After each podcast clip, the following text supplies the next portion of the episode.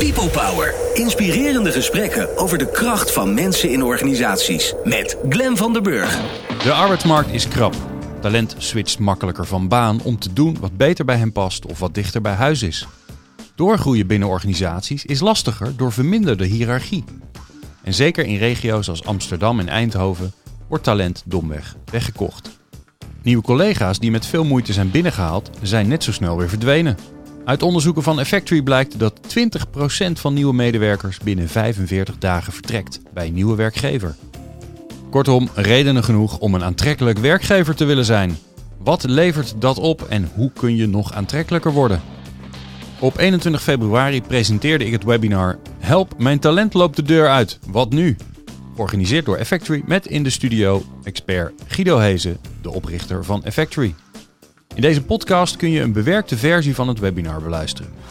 People Power met Glen van der Burg. Guido, welkom. Dankjewel. Wat leuk dat je er bent. Ja, leuk om hier te zijn. Ja, leuk om te doen ook, hè? want ja, daar gaat het Dus- natuurlijk ook om, dat wij doen wat we leuk vinden. Ehm, ja, eerst maar even kort over, eh over Effectory voor de mensen die jullie nog niet zo goed kennen. Wie is Effectory? Wat doen jullie? Ja, Effectory is een eh, organisatie en wij halen feedback op van medewerkers in bedrijven om die bedrijven daarmee van binnenuit te verbeteren. En dat doen we, zoals dat zo mooi heet, tijdens de hele employee journey. Dus dat is van het moment van binnenkomst met onboarding surveys eh, tot dat ze aan het werk zijn, hoe ze aankijken tegen de organisatie, tegen hun werk, tegen hun leidinggevende, maar ook hoe ze de teamdynamiek ervaren. Eh, hoe ze aankijken tegen andere teams, facilitaire omgeving, tot het moment dat ze weggaan en eh, met exit eh, surveys. Dus we halen feedback op van mensen om de organisatie van binnenuit te verbeteren en om ervoor te zorgen dat er een feedbackcultuur ontstaat binnen organisaties. Alright, mooi. Nou, dat doen jullie eh, al lang. En het interessante Ja. is bij heel veel organisaties. Dus ja, jij bent een soort lopend vat van, van mooie verhalen over hoe dingen anders en beter kunnen. Nou, dat gaan we proberen om dat vandaag allemaal zoveel mogelijk eruit te krijgen. Eh, wat gaan we doen in dit webinar? Eh, we gaan eerst even kort inzoomen op de kosten van, eh, van verloop. Van ja, het, het aannemen van nieuwe mensen, maar ook het verdwijnen van, van je bestaande mensen. Ehm, belangrijk ook om op zoek te gaan naar die investeringen. Ik kan me heel goed voorstellen dat als je investeringen nodig hebt, dat jullie financieel directeur of je CFO zegt: ja, dat zal allemaal wel, maar wat is je business case? Nou, daar helpen we je een beetje mee. En daarna zoomen we lang in op de verhalen van de beste werkgevers. Want daar zit eh, natuurlijk heel veel kennis van, eh, van Effectory in. En die beste werkgevers, ja, die hebben mooie geheimen te delen. En we eindigen met, ja, met concrete zaken. Dingen die je morgen kunt doen. Het is een, een complex onderwerp. Het is een groot onderwerp waar we het over hebben. En toch mooi om ook te kijken naar van, ja, hoe kun je nou in actie komen om dingen al te veranderen. Alright. Ehm, eerst maar even naar de kosten van hoog verloop. Ja. Hoe zit dat in elkaar? Wat kost het? Ja, een ko- een hoog verloop kost ontzettend eh, veel geld. Hadden het voor onszelf eh, becijferd. En dan hebben we nog relatief weinig eh, verlopen binnen Effectory. En voor ons was het, kost het enkele tonnen. En daarmee tot ongeveer 30% van onze winstgevendheid, wat verloop kostte. Maar dat heeft eigenlijk met heel veel dingen te maken. Het is sowieso zonde om een gat te hebben tussen een goed functionerende medewerker en dan ineens even niets en dan weer een goed functionerende medewerker.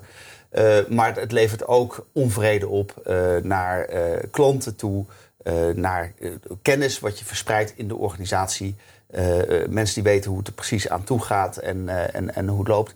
Dus het, per saldo kost het ontzettend veel geld om te veel verloop te hebben en te veel ongewenst verloop te hebben. Ja.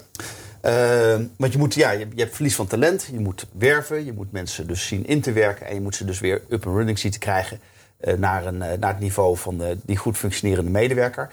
En eigenlijk eh, is er een gat tussen eh, ja, functioneren, dus dat zie je op die, op die sheet, tussen een goed functionerende medewerker en een volgende goed functionerende medewerker. En de kunst is eigenlijk om dat gat eh, zo klein mogelijk te krijgen. En de allerbelangrijkste reden natuurlijk om dat te doen, of het allerbelangrijkste wat je daaraan kan doen, is ervoor te zorgen dat mensen eh, blijven. Dat, is, dat is nummer één. Dat is dat mensen blijven functioneren. Dus dat je verloop ziet te voorkomen. En zeker verloop wat ongewenst is. En verloop wat voorkomen kan worden. Eh, Het tweede wat je eh, kan doen, dat is dat je verloop eerder aan ziet komen. Dus dat je het kunt voorspellen eigenlijk wanneer iemand weggaat. Het kan zo zijn dat iemand op een gegeven moment klaar is met zijn functie. Of dat hij bepaalde vorm van verveling probeert er tegen te gaan. Maar dat, dat kan gebeuren. En als je dat van tevoren ziet aankomen, dan kun je dus eigenlijk al eerder het mechanisme in gang zetten om iemand uh, binnen te halen. Dus dat is uh, succession planning. Het derde wat je kan doen, dat is ervoor te zorgen dat je een uh, employer of choice bent. Dus dat je aantrekkelijker bent voor nieuw talent. Dus dat er eigenlijk al mensen in de wachtkamer, of, of tenminste al voor de deur staan om bij je te willen werken. Dus dat je een aantrekkelijke werkgever bent. En het vierde wat je kan doen, dat is het versnellen van het proces van onboorden en het up-and-running krijgen van medewerkers. Dus zorgen dat dat, dat, dat uh, soepeler en sneller verloopt, zodat iemand sneller op een hoog functioneren zit. En eigenlijk wat je ziet is dat in deze tijd van uh, ja, relatief veel verloop. Het, het moeten groeien van organisaties en het op een hoog kwaliteitsniveau blijven zitten van organisaties. Dat dit proces eigenlijk het belangrijkste proces is van HR om ervoor te zorgen ja, dat, dat de organisatie gewoon goed op niveau blijft functioneren. Ja, wel mooi om te zien dat, dat, dat, dat dichten van dat gat dat is gewoon, ja. vind ik een mooi visueel beeld ja, ook. Ja, en wat je kunt doen zeg maar, voor die business cases voor jezelf is becijferen wat het zou opleveren. Dus niet alleen wat het dus kost hè, om verloop te hebben, maar wat zou het opleveren als iedere medewerker uh, een maand langer in dienst blijft. Een maand langer blijft zitten. En als we dat voor elkaar kunnen krijgen, hoeveel meer zouden we dan als organisatie verdienen? Of hoeveel minder kosten zouden we als organisatie maken? En dat loopt uh, echt op in de, in, de, in, de, in de tonnen voor wat kleinere organisaties, zeg maar tot een uh, mannetje of uh, 300, 400 en in de miljoenen voor bedrijven daarboven. Kortom. Dus een aardige business case. Uh, niet alleen maar uh, vanuit het menselijk perspectief, nee. maar ook vanuit het zakelijk perspectief. Reden te meer om hier hard mee aan de slag te gaan. We gaan naar de geheimen van de beste werkgevers. Um, uh, ik wil eigenlijk met jou beginnen bij, bij een heet hangijzer. Iets wat ook wel de laatste tijd in de arbeidsmarkt veel gebeurt. Hè? Het wegkopen van mensen. Dus dan gaat het gewoon simpelweg over hoeveel verdienen mensen. Ja. Maakt het nou uit? Is dat een factor waar je aan kunt draaien om aantrekkelijker te worden? Ja, uh, het is een factor waar je aan kan draaien om aantrekkelijk te worden. Het is alleen als wij kijken naar ons eigen, naar de onderzoeken die we zelf doen, en we kijken naar de relatie tussen de bevlogenheid van medewerkers, de betrokkenheid van medewerkers en uh, beloning, primaire en secundaire arbeidsvoorwaarden, dan uh, zien we eigenlijk een heel licht verband. Dan zien we de verband tussen de andere zaken, zoals leiderschap en, en een aansprekende missie en een cultuur enzovoort, zien we veel groter dan beloning. Uh, maar er treedt iets raars op. Op het moment dat beloning niet oké is, dan wordt beloning ineens ontzettend belangrijk. Dus als beloning zeg maar, onder een bepaald niveau is voor de, voor, voor de medewerker acceptabel niveau, dan is beloning ineens een ontzettend hot issue. En op het moment dat het goed is, of heel goed is, of buitenproportioneel goed is, dan is het ineens een stuk minder belangrijk. Dus ons advies zou ook zijn: van maak die beloning zo goed dat het onderwerp belonen van tafel is. Dus dat je het op een minimaal fair niveau uh, beloont. Uh, en dan, ja, dus het is eigenlijk een, een zoals dat dan zo mooi heet uh, in, de, in, de, psychologie, een hygiënefactor. Zorg dat het geen issue meer is en ga je vervolgens onderscheiden op andere zaken. Dat betekent dus wel dat het belangrijk is om beloningsonderzoek te doen en om regelmatig te toetsen of dat dus nog wel oké is, zodat dat in elk geval niet de reden is dat mensen weglopen. En als je dat oké hebt, dan kun je onderscheiden op heel veel andere dingen buiten beloning, wat veel effectiever is. Ja. Hoe doen jullie dat zelf? Uh, nou, wij doen ieder jaar doen we een beloningsonderzoek. En wij toetsen inderdaad ieder jaar van zitten wij goed. Uh, we merken dat we wat meer inzetten op, uh, op innovatie. Dus dat we veel technische ontwikkeling hebben. En, technische, en programmeurs en technische ontwikkelaars. Mm -hmm. En die belonen we ook structureel iets hoger dan het marktgemiddelde. Omdat we aantrekkelijk willen zijn voor ICT-talent. en voor de rest houden we het op een op een heel gezond niveau. Dus dat we net even iets boven het uh, gemiddelde zitten, maar niet buitenproportioneel groot. Omdat we ook geen uh, gouden handboeien willen hebben voor medewerkers die eigenlijk niet uh, er, er, meer willen zijn. Dus die moeten ook gewoon de vrijheid voelen om weg te kunnen. Ja, alright.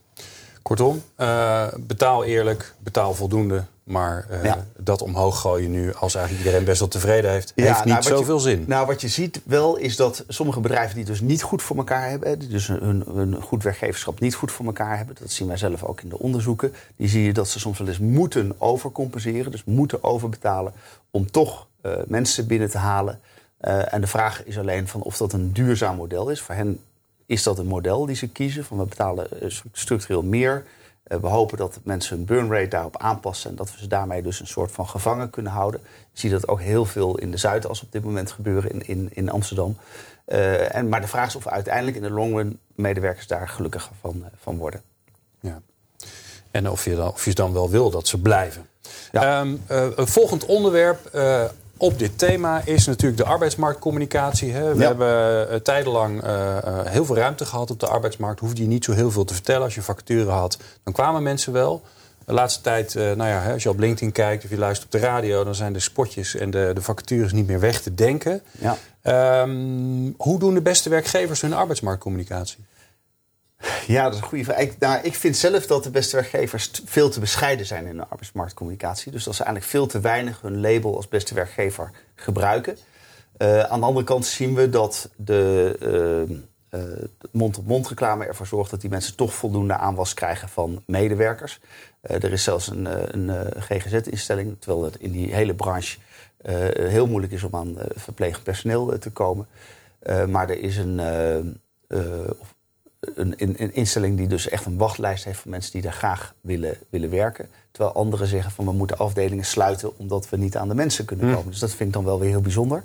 Uh, maar wat we, wat we zien is dat nee, beste werkgevers die gaan er dus wat bescheiden mee om. In mijn ogen te bescheiden mee om, maar die hebben dat blijkbaar dus ook niet helemaal uh, nodig.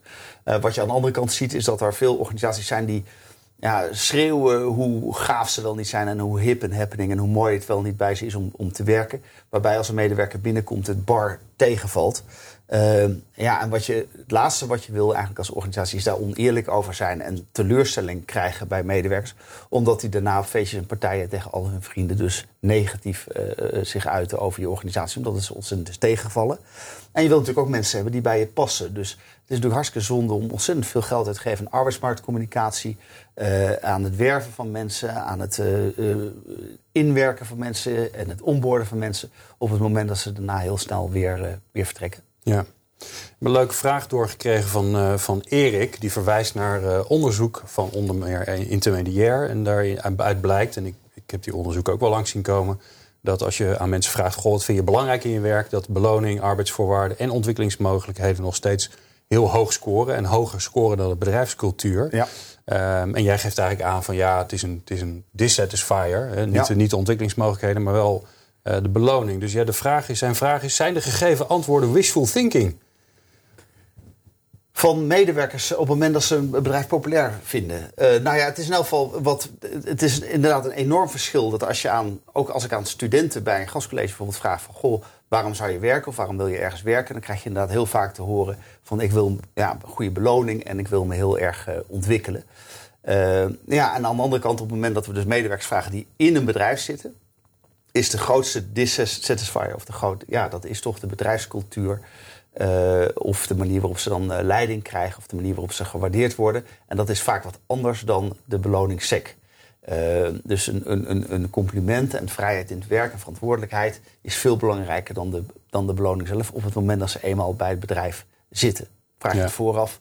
En dat is ook op het moment dat je een nieuwe werkgever selecteert. Ja, dan kijk je toch ook naar beloning. Dat is absoluut zo. Ja, ja en ik kan me ook voorstellen dat het verschil wel zit in uh, ga je je toekomstige eigen gedrag voorspellen?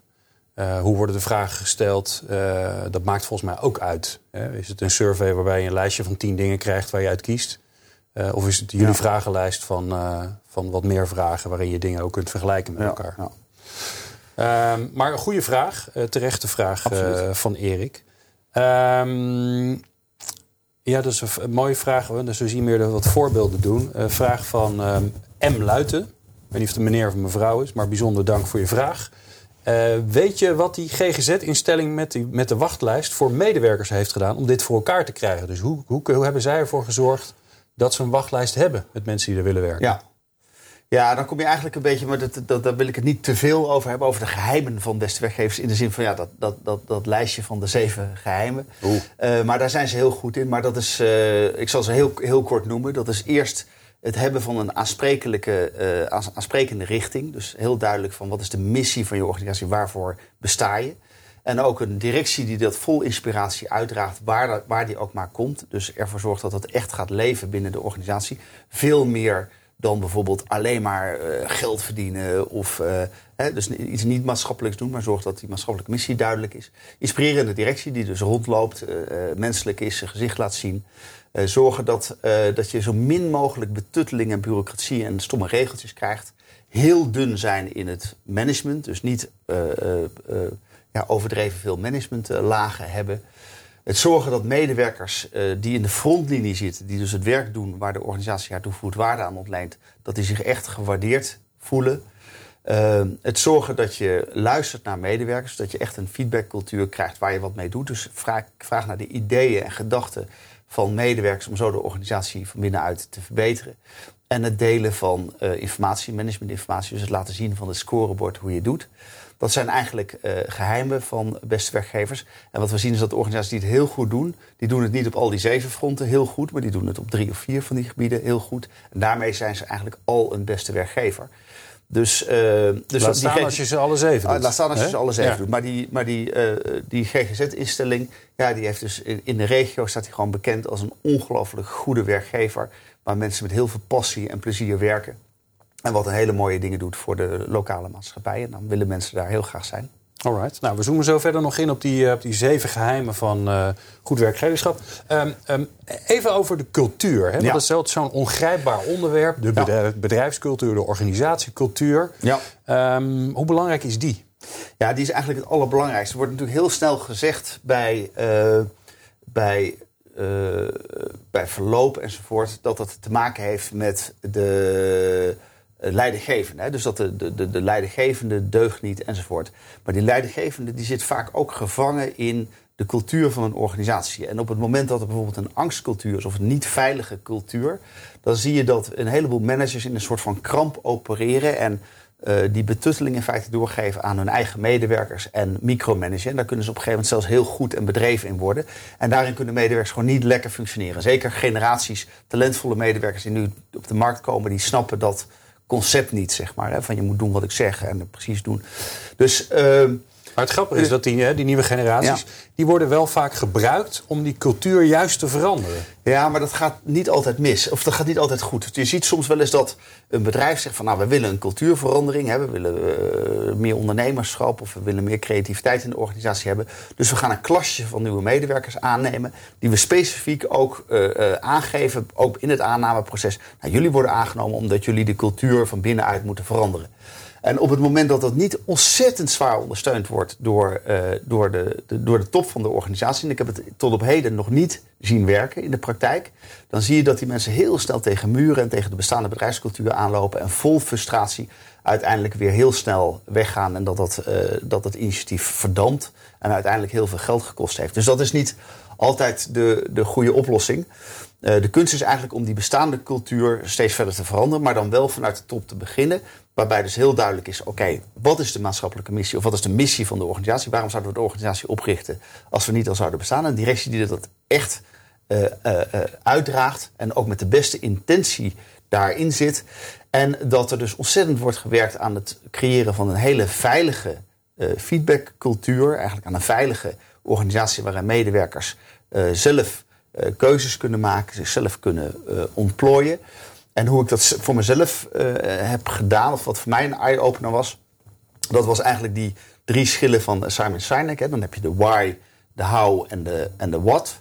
En het idee is dus dat je die why, dat dat heel duidelijk is. Hè. Waarom doe je wat je, wat je, wat je doet? Hè. Voor Effectory was dat de werkende wereld mooier maken, medewerkers een stem geven, uh, directiesraden van bestuur een spiegel voorhouden van hoe medewerkers in de film zitten. Dat was onze why. Mm-hmm. En al heel duidelijk aangeven wat er moet realiseren. Nou, we willen groeien, we willen internationaal groeien, we willen uh, bepaalde resultaten uh, behalen als organisatie. We willen de, eh, eens een klant, altijd een klant enzovoort. We willen ons uh, systeem uitbreiden. Dus wat is heel erg duidelijk. Maar het hoe, daar laten we, dat laten we dan heel erg los. Dus daar zitten we dan heel erg op onze handen. Zeggen oké, Daarom doen we het. En hoe heb jij Dit dat dan gedaan? Want het was nou ja, niet om, altijd zo. Nee, om inderdaad uh, te, te, gewoon heel duidelijk continu aan te geven waarom we doen wat we doen. Uh, ook heel duidelijk te maken van oké, okay, dit zijn onze speerpunten voor het komende jaar. Dus dit is wat we, wat we willen realiseren. En het hoe enorm in het midden te laten. En te zeggen oké, okay, dit hebben we dus met elkaar te doen. En uh, succes, en als ik jullie erbij kan helpen, dan heel, heel graag. En de hulp die ik dan bied, zit hem dus in het benadrukken van het waarom en het uh, benadrukken van het, uh, van het wat. En misschien meedenken over het hoe, maar niet bepalen hoe het moet gebeuren. Wat was daar lastig aan voor jouzelf? Die, om, die omslag? Uh, omdat je op een bepaald moment uh, denkt dat je het wel weet. Van nou, ik, ik, ik ken die markt wel, of ik, of ik weet wel hoe het werkt, of ik weet wel wat werkt en wat niet werkt. Of ik heb in het verleden dit wel of niet zien werken. En dat je dat meeneemt in je overwegingen. Terwijl ja, de wereld is aan het veranderen, technologie is aan het veranderen, mensen zijn aan het veranderen, organisaties en de organisatiestructuren zijn aan het veranderen. En het is gewoon heel veel beter om uit te gaan van de collectieve wijsheid van je medewerkers dan zelf te bepalen hoe, hoe het moet gebeuren. Mm -hmm. En ja, dat, dat is de fout die toch heel veel organisaties maken. Ook met het aanstellen van hun management. Hè, want dan zie je, zie je dat heel goed functionerende medewerkers die worden manager. Maar die worden manager vanuit dat dogma wat ze goed kenden toen ze zelf nog een goed functionerende medewerker waren. Ja, dat is per solo eigenlijk een verouderd. Dat kan een verouderd idee zijn waarbij je te weinig ruimte laat aan uh, talent, aan nieuwe medewerkers. Ja, en dan krijg je micromanagement en dan krijg je angstculturen, dan krijg je politiek en dan krijg je dat medewerkers weg willen en dat, ze, en dat talent vervliegt. En dat is natuurlijk doodzonde. Ja. Mooie vraag van Fleur. Die vraagt: zit bedrijfscultuur ook niet juist heel erg in het hoe? Hoe de dingen gedaan worden? Uh, nou ja, het, zit. Ik, denk dat ja, ze heeft uh, voor een heel groot deel gelijk. als je het hebt over voorbeeldgedrag. het is natuurlijk wel, wel belangrijk dat de manier waarop je met elkaar omgaat, dat, dat, is, dat is een stukje hoe. Hè, dat je daar dus wel een voorbeeld in bent en dat je daar exemplarisch in bent. Maar hoe werk uitgevoerd moet worden, dat is weer iets anders. Dus hoe je met elkaar omgaat, dus omgangsvormen en, en, en, en, en, en, en normen en waarden die je laat zien. Dat is hoe wat zinvol is. Ja. Maar hoe je het werk uitvoert, of hoe je een probleem oplost, of hoe je precies met die klant omgaat, dat kan op een gegeven moment heel betuttelend worden. Uh, en uh, leiden tot uh, inderdaad micromanagement en onveiligheid. Ja, en hoe je bij elkaar zit en hoe je vergadert, dat moet je allemaal los zien te laten. Ja, ja. ja. Alright. Um... Dus, ja, wat, wat, wat, wat ook kan helpen is, is sorry dat ik. nee. Dat is, dat, dat is een inzicht die ik laatst kreeg toen, ik, toen we een, een in-house seminar hadden over generaties. Dat is wat ook enorm kan helpen, is door te luisteren naar eigenlijk de jongste generatie die bij je werkt. dat betekent dat je in feite aan ik noem wat de 10% jongste medewerkers vraagt: Goh, heb je zin om even na te denken over hoe je anders zou organiseren? Of hoe je, hoe je uh, op, een, ja, op een andere manier met de organisatie om zou gaan. En daar goed naar luisteren. En, als je dat, als je, en, en het mooie is, als je daar naar luistert en je voert verbeteringen door aan de hand van die inzichten die je daar krijgt, dan is dat in de regel goed nieuws voor alle generaties die bij je, bij je werken. Want uh, ook ouderen vinden het heel fijn om bijvoorbeeld minder te vergaderen of, uh, of, of, of, of, bepaalde beslissingen sneller te nemen enzovoort. Of op een andere ja. manier te werken. En dat wordt uh, heel goed ontvangen binnen organisaties. Dat sluit aan bij de vraag die GT stuurt. En die zegt, waar schuurt de cultuur van jonge medewerkers met oudere, oudere leidinggevenden? Uh, ja, die schuurt eigenlijk met het, met het concept niet duidelijk waarom, waarom ze dingen moeten doen. Uh, dus op het moment dat een leidinggevende zegt van... goh, ik wil graag dat je dit doet... en een medewerker vraagt, goh, waarom, wil ik, waarom moet dat? En de leidinggevende zegt, nou gewoon omdat ik wil dat je dit doet... omdat ik het zeg. Uh, dat concept dat wordt niet altijd gesnapt. En dat wordt eigenlijk op school al niet helemaal gesnapt. Als een leraar zegt, ja, je moet het doen, waarom? Gewoon omdat ik het zeg. Ja, dan, dan, dan vindt er een soort kortsluiting plaats bij de, bij de nieuwste generaties. Die willen eigenlijk heel erg weten wat de zingeving is van bepaalde dingen. Mensen worden bewuster, ze kunnen meer multitasken, ze zijn sensitiever. En uh, het gaat gewoon mis op het moment dat je daar een hele hiërarchische uh, cultuur op, uh, op loslaat. en ja, die mensen zijn heel erg gewend om, om, om, om. Die kunnen heel goed werken, die kunnen multitasken, kunnen heel veel aan. Uh, alleen, ja, we hebben ze wel op een bepaalde manier sturing en, en, en, en complimenten en uh, waardering nodig. En als je die niet kunt geven, omdat dat niet binnen de cultuur van je organisatie past, ja, dan, gaat het, uh, dan gaat het mis. Ja, ja. dat is wel interessant. Ik, had gisteren, ik was gisteren bij een theaterstuk voor de landmacht. En die zit, daar zou je het niet bij denken, maar die zitten ook met dat vraagstuk. Hè. Dat is natuurlijk een enorme hiërarchische commando-organisatie, hè, uh, commandostructuur. Uh, als we roepen, dan moet je gaan rennen. En, en ook zij zitten veel meer met het idee van ja, die nieuwe generatie die wil dat niet meer. Het past eigenlijk ook niet meer met, de, met heel veel van de taken die we uitvoeren. Dus wat moeten we daar nou mee? En dat werd in dat theaterstuk heel mooi uh, duidelijk gemaakt. Ehm, ehm, mooie vraag van, eh, even kijken hoor, waar heb ik hem gelaten? Eh, Barbara, die zegt: eh, Hoe verander je de cultuur als mensen het hoe niet zelf willen invullen? Wou dat. Barbara hier was, want dan konden we haar vragen: waarom willen ze dat niet? Hè? Ja, nou, dat, is, dat is vaak. Dat is ook zo hoor. Dat, is, dat zie je ook met organisaties die zeggen: Nou, we gaan over op zelfsturing. omdat we vinden dat we over moeten gaan op zelfsturing. Nou, dat een beetje gevaarlijk is dat. Eh, eh, of mensen die zeggen: van, Nou, we gaan sociale innovatie toepassen. Dus we gaan die en die, die mensen uitnodigen om te praten over, de- over een bepaald onderwerp. En dan zeggen ze: En dan komen ze met niks. Eh, waar dat mee te maken heeft, is dat die medewerkers afgeleerd zijn om over het hoe na te denken, omdat het ze altijd verteld is. Eh, en het is een beetje als een. Als een, als een eh, dus je moet dat wat, voorzichtig, eh, wat voorzichtiger aanpakken, wat rustiger aanpakken. En dan niet meteen verwachten dat als je zegt van nou, ik vertel niet meer hoe je het moet doen, succes, dat het dan in één keer goed gaat. Het is een beetje hetzelfde als een, als een, als een kindje leren fietsen. In het begin moet je ook even ondersteunen. Moet je op een gegeven moment met de zijwieltjes en op een bepaald moment kun je loslaten en kunnen ze het helemaal zelf.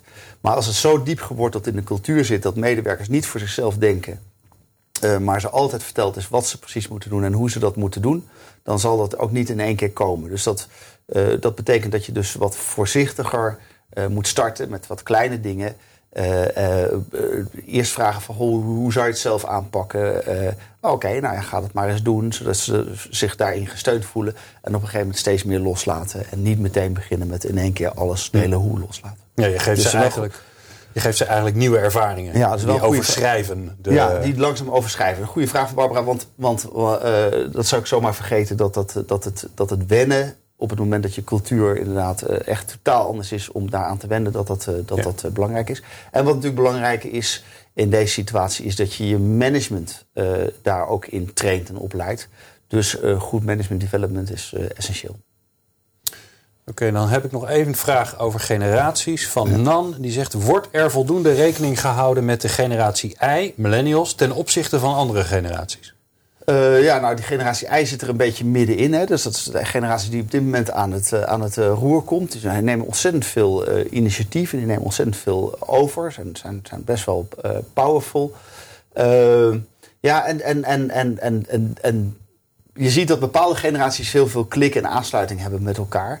Ehm, maar de kunst is eigenlijk om je organisatie continu aan te passen aan de wens van de nieuwste generatie. Dus dat is niet zozeer generatie I, maar dat is nu veel meer de millennials. Om op die manier je organisatie telkens eh, wat te eh, moderniseren en up-to-date te houden. En het mooie daarvan is tegelijkertijd dat op het moment dat je dat doet en je verandert je organisatie stukje bij beetje door gewoon te kijken naar die nieuwste generatie, dat je nooit echt hoeft te reorganiseren. En als iets funest is voor eh, verloop, vertrek en eh, het vertrouwen wat medewerkers in je organisatie hebben, dat zijn, dan zijn dat reorganisaties. En de kunst is natuurlijk om dat zoveel mogelijk te voorkomen door je organisatie continu iets aan te passen en te vernieuwen en eh, dan, dan wat minder te reorganiseren. Ja, en ik vraag me af of dat besef er is. Hè? Want dat, dat, ik merk dat zelf ook als ik bij organisaties rondloop... dat, dat je heel vaak de verhalen terug hoort van ja, toen... Die reorganisaties is een soort... Ja, soort Maar die hakt er, hakt er zeer in. Ja, Ja. Dus, dus eh, loyaliteit eh, kweken, zeg maar. Hè, dat is wat je wil. Hè. Je wil dat mensen langer blijven. Dat is ook loyaliteit laten zien. En een reorganisatie, eh, zeker op het moment dat die gepaard gaat met gedwongen ontslagen... of met mensen die totaal andere dingen moeten doen ineens... Ja, dat heeft een enorm effect op het vertrouwen van medewerkers. Een enorm negatief effect op het vertrouwen van medewerkers. Dus eh, ja, de kunst wordt om eigenlijk te voorzien waar het heen gaat met je business. En daar de organisatie al op aan te passen. Te luisteren naar de jongste generaties. Daar de organisatie al op aan te passen. Continu bezig zijn met die cultuur gezond te houden aan de huidige tijdgeest. En daar de organisatie op aan te passen. En als je dat doet en je laat dat eh, gepaard gaan met natuurlijk verloop. Wat er sowieso in je organisatie plaatsvindt. Dan eh, hoef je eigenlijk ja, niet te reorganiseren. Eigenlijk is reorganiseren is dat je, het gewoon, dat je eigenlijk iets te lang hebt zitten slapen. En dat, je, dat er twee aardplaten eigenlijk tegen elkaar schuiven. Hè, dat is de, dat wat, je, wat, je- wat er verwacht wordt dat je doet en wat je doet. En op een gegeven moment komt er dan een soort van aardbeving. En dat is dan die reorganisatie. Ja, en die gaat gepaard met veel slachtoffers en veel eh, vertrouwensbreuk. Terwijl als je be- meebeweegt, ja, dan, dan hoeft dat een stuk minder. Ja. ja, en littekens. En die nog heel En, lang ja, eh, ja, die blijven blijven zitten. heel lang zitten. Ja. Ja. Ja, dus eh, wat dat betreft misschien slecht nieuws. Zit jij een organisatie waar veel reorganisaties zijn geweest. Daar heb je mee te dealen dan. Ja. Eh, dat is niet anders, maar ga er maar vanuit dat, het, eh, Daar pijn. ja, dat daar pijn zit. En eh, nou, daar moet je het misschien over hebben. Of misschien nog veel beter, zorg dat er iets overheen geschreven wordt. Zodat uh, wat, die littekens wat minder worden. Um, we hebben het net al even, je hebt ze even genoemd. Hè, de zeven geheimen van, inspireren, van, van goed werkgeverschap. Ook ja. inspirerend werkgeverschap natuurlijk. Ja. Ik vind die inspirerende directie vind ik wel, vind ik wel een interessante. Ja. vooral als je nu zit te kijken en denkt... ja, als ik naar mijn directie kijk... ja, er is al een hoop te doen. Ja. Dus als je nou, stel je voor dat je echt totaal geen inspirerende directie hebt, wat, wat moet je dan? Uh... Niet een andere baan zoeken, dat, uh, dat kan natuurlijk nou ja, het antwoord nee, zijn. Ja, nou ja, wat wij gewoon in de praktijk zien uh, met, met ons medewerkeronderzoek, dat is als er de allergrootste verschuiving plaatsvindt in positieve zin of in negatieve zin, dat dat vaak te maken heeft met een directiewissel. Dus op het moment dat je totaal geen inspirerende directie hebt, ja, dan, is het, uh, dan kun je aan al die andere knoppen proberen te, te, te, te draaien. En dan heeft dat een beperkt effect. Uh, dus een heel goed middelmanagement die het wel overpakt enzovoort. Maar dan heeft het wat minder effect. En vaak zie je dat er dan, als er dan weer een vernieuwende directie komt, een nieuw elan, nieuwe sfeer, iemand die menselijker is, dat het een enorme boost geeft eigenlijk aan medewerkersbeleving. Ook de loyaliteit van medewerkers, ook de vlogenheid en de betrokkenheid van medewerkers. Uh, dus als je dat totaal niet hebt, ja, dan ik zou, ik zou, ik zou wel feedback geven op dat, uh, op dat terrein. Ja. En ook uh, die totaal niet inspirerende directie. En vaak is het ook lastig, hè, want de directie voeren van zeker een complexe organisatie, denk aan een ziekenhuis of een grote scholengemeenschap of zo, dat is best lastig, want je hebt te maken met ontzettend veel stakeholders. En je hebt te maken met financiers en met uh, ouderraden of patiëntenraden, verzekeraars. En allemaal, je hebt ontzettend veel stakeholders. En heel vaak denkt zo'n directie van... oké, okay, ik heb ook stakeholder medewerkers. Maar ja, dat, daar, daar hebben we managers voor. Dus dat is mm. geen stakeholder voor mij. Uh, en dat is, best wel, dat is best wel zonde. Maar ik geef het ze ook wel te doen. Uh, maar bijvoorbeeld een, een, een hele inspirerende uh, directeur die ik sprak, juist ook in die sector, een ziekenhuisdirecteur, uh, die zei van ja, ik ben, ik heb heel veel verschillende stakeholders. Ik zit iedere dag alleen maar in vergaderingen met alleen maar verschillende groepen mensen. En wat ik doe is aan het eind van elke vergadering stel ik de vraag: Goh, en wat heeft onze patiënt gehad aan deze meeting? En alleen al door het stellen van die vraag uh, heb ik enorme bewustzijn kunnen vergroten. Oké, dit is waar we het uiteindelijk voor doen. En is heel inspirerend gebleken. Alleen maar het stellen van die ene vraag tijdens ja, ja. de verschillende meetings. Dus uh, het, je hoeft het niet altijd heel geforceerd te doen met broodje kaas met de baas en allemaal dat soort dingen. Maar broodje het gaat met de baas. Maar het gaat er gewoon om dat je menselijk, dat je in ieder geval niet in de lift stapt, meteen naar de bovenste verdieping gaat, achter een secretaresse verschuilt en gewoon je bezighoudt met andere stakeholders behalve medewerkers. Maar ook af en toe gewoon rondlopen. Laat zien dat je er bent. Laat zien met wat voor vraagstukken je zit. Dat je het soms ook lastig hebt en dat je uh, dat niet alles kan. En dan ja. maak je al heel veel menselijker. En, als je, en, als, en als, als je dat niet kan opbrengen, dan is het wel zaak om die feedback heel duidelijk te geven. Ook aan die, uh, aan die uh, directie of raad van bestuur. Ja. ja, en ik kan me voorstellen dat uh, het idee van uh, inspirerend zijn, dat daar een enorm beeld bij is van, hè, dat is iemand die op de kansel staat en, of op de zeepkist en die staat ja. te vertellen en die heeft een mooi verhaal. Dat hoeft dus allemaal niet per se. Is mooi meegenomen. Ja, nou het is heel fijn. Het is natuurlijk zo dat uh, een heleboel directies zeggen van, nou als ik één keer per jaar eventjes vertel wat onze, waar we het voor doen, hè, dan is dat wel voldoende. Dan snapt iedereen het wel, of onze missie. Nee, medewerker moet er toch gemiddeld een keer of 20, 30 per jaar horen om het echt te laten beklijven. Dus als je het één keer vertelt, is dat absoluut niet voldoende. Uh, maar je, je, je kunt al op het moment dat je uh, totaal. Ja, je, bent al redelijk snel een licht op het moment dat je dat wat vaker doet dan, uh, dan gemiddeld. En al heel, heel snel zit je aan twee, drie keer zoveel als wat je nu doet. En dan heb je, dat kost niet eens zo heel veel tijd. Ja. Um, minder management. Ja. Dat vind ik wel een interessante. Want dat is natuurlijk een enorme trend, hè, dat, we, dat we naar minder management toe gaan. Ja. Zelfsturing, zelforganisatie. Ja. Hebben we vorige, vorige webinar uitgebreid over gehad. Kunnen jullie overigens vast wel terugkijken. Uh, het linkje dat, uh, uh, dat stoppen de moderatoren vast nu ergens in. En ik geef ze nu een onmogelijke opdracht waarschijnlijk, maar dat geeft niks. Want zij kunnen wel wat. Um, waarom minder management? Nou ja, wat we, wat we in, ons, in, in, in de verschillende medewerkersonderzoeken die we deden doorkregen, ja, dat was dat uh, mensen een beetje klaar zijn met heigende managers in hun nek. Gewoon te veel betutteling en te veel inderdaad vertellen hoe dingen moeten gebeuren. En zeker ook omdat de kwaliteit van het management eigenlijk niet zo heel hoog was. Omdat er ja, veel opgegroeide medewerkers manager zijn geworden.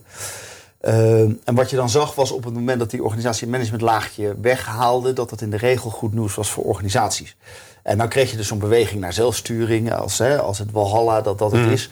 Nou, ik ben ook niet van die school, maar ik zeg wel, probeer zo dun mogelijk te organiseren. Dus ga geen. Hè, het oude talentmanagement was vroeger van: goh, je moet talent zo lang mogelijk zien te houden. En dan moet je ze maar manager zien te maken, want dan blijven ze tenminste binnen je organisatie. Nou, die stroming is gelukkig helemaal voorbij. Uh, en de kunst is dus om met zo min mogelijk management de organisatie op een hele goede manier uh, aan te sturen.